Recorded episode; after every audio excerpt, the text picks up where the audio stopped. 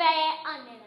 Merhaba küçük arkadaşlarım ve canım anneler. Hikaye vakti için hazır mıyız? Ben hazırım. Herkes pijamalarını giydi mi? Ben giydim. O halde lafı çok fazla uzatmadan harika bir dönüşüm hikayesi sizlerle. Hadi gelin hep birlikte okuyup görelim.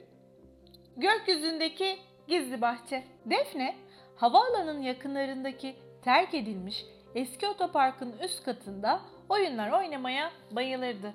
Yıllardır kullanılmayan bu otopark gri bir pazartesi göğünden bile daha griydi. Ama Defne yine de burayı çok seviyordu. Burada eski bir otomobilin üzerine çıkar, uçakları izlerdi.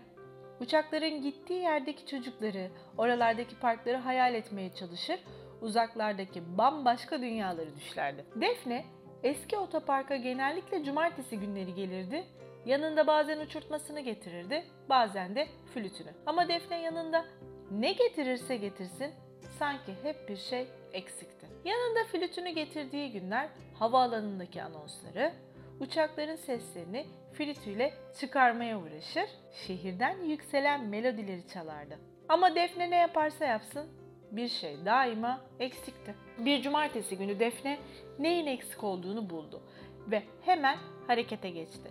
O cumartesiden itibaren her cumartesi Defne eski otoparkı temizlemeye uğraştı. Çöpleri topladı, etrafı süpürdü, merdivenleri yıkadı. Defne'nin eski otoparkı temizlemesi tam 3 ay sürdü.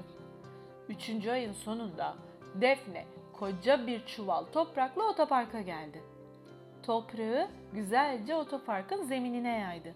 Ardından yanında getirdiği tohumları nazikçe toprağa bıraktı.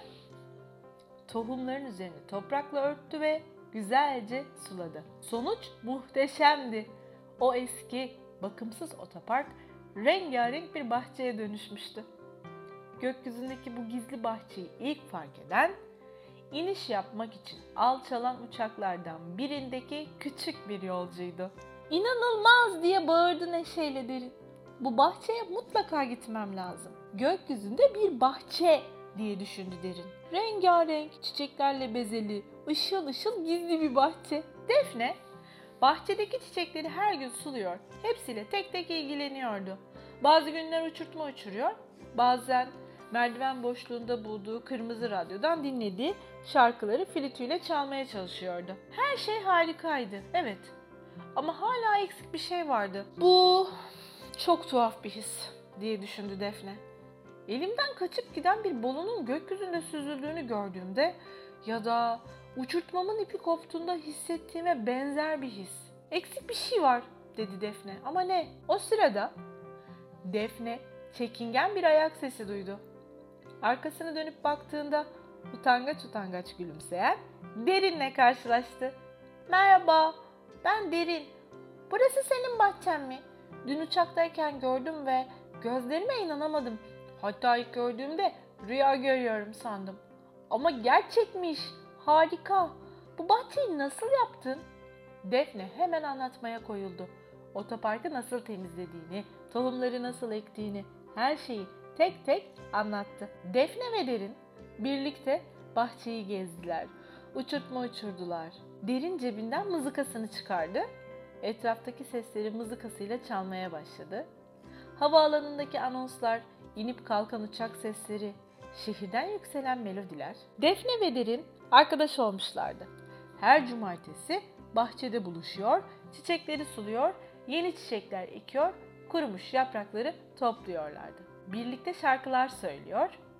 Defne flütüyle, Derin ise mızıkasıyla yeni besteler yapıyordu. Defne sonunda neyin eksik olduğunu bulmuştu. Candan bir dost.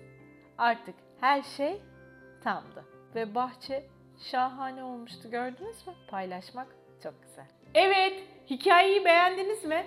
Ben bayıldım. Ee, terk edilmiş bir otoparkı şahane bir çiçek bahçesine dönüştürdü iki arkadaş ve böylelikle harika bir dostluk başlamış oldu. Ee, bugünlük de bu kadar demeden önce garip ama gerçek bilgilerin su altında olanı yine sizinle. İguanalar su altında tam olarak 28 dakika durabiliyorlarmış. Evet yanlış duymadınız. İguanalar 28 dakika boyunca su altında durabiliyorlarmış. Haftaya aynı saatte görüşmek üzere. Hoşçakalın. Hoşçakalın. İyi geceler.